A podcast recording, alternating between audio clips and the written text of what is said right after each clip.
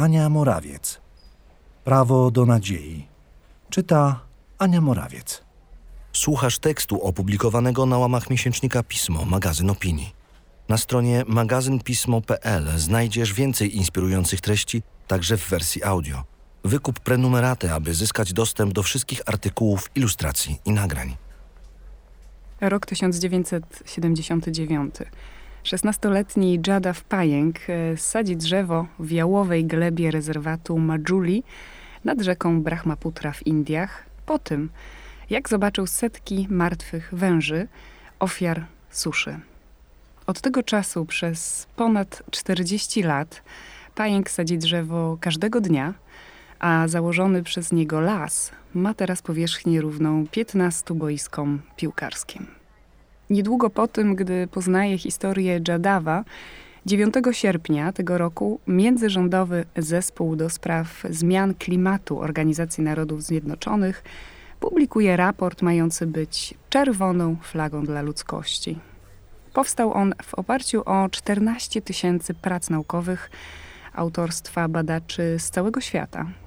W raporcie stwierdzają oni, że temperatura na Ziemi wzrosła o około 1 stopień Celsjusza względem poziomu sprzed epoki przemysłowej, podkreślając bezdyskusyjnie antropogeniczny charakter tej zmiany.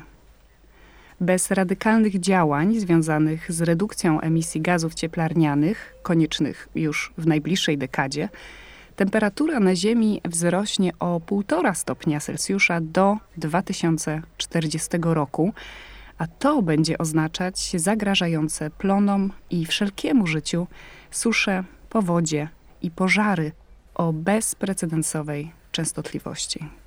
Raport jest 42-stronnicowym zbiorem zaleceń dla decydentów na całym świecie i wzywa do natychmiastowej rezygnacji z wykorzystywania energii pochodzącej z węgla oraz innych paliw kopalnych.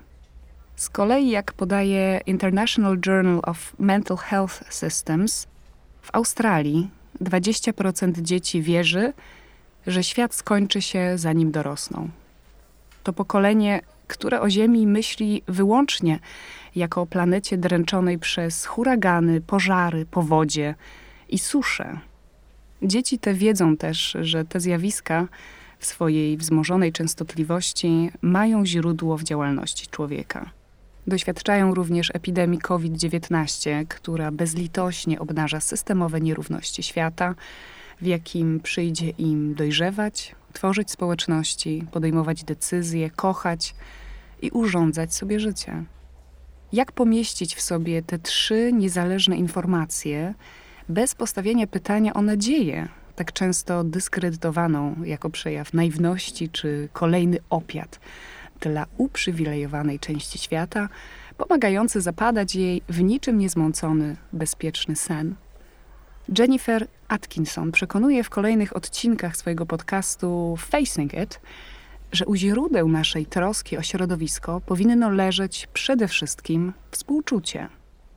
Atkinson jest profesorką humanistyki środowiskowej na Uniwersytecie w Waszyngtonie, gdzie prowadzi seminaria pomagające studentom radzić sobie z rozpaczą, złością i lękiem wywołanymi poczuciem środowiskowej utraty i masowym wymieraniem gatunków.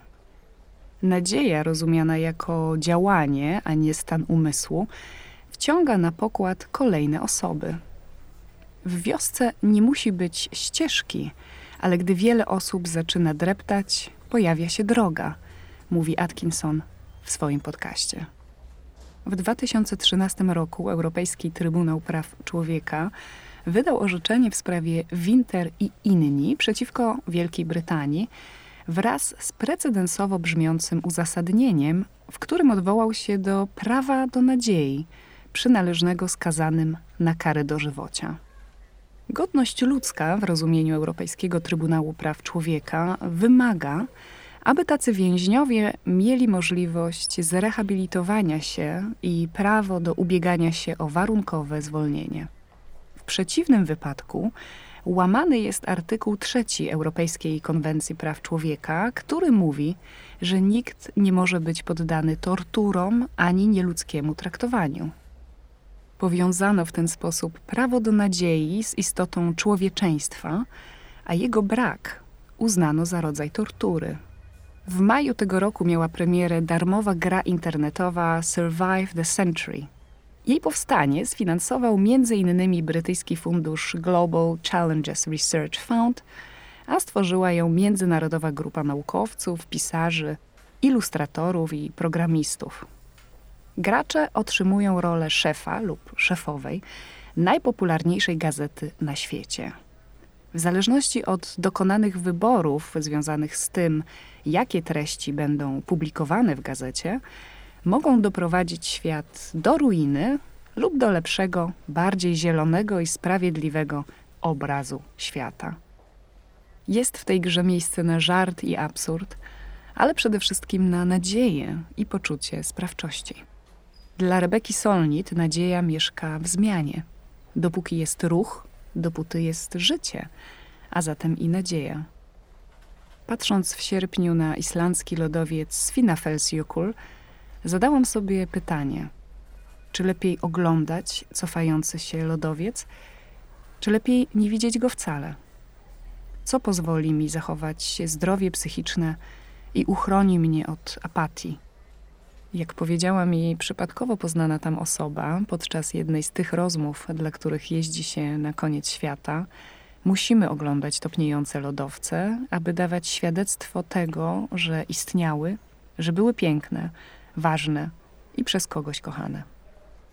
Tekst ukazał się w 46. numerze miesięcznika Pismo, magazyn opinii, czytała Ania Morawiec.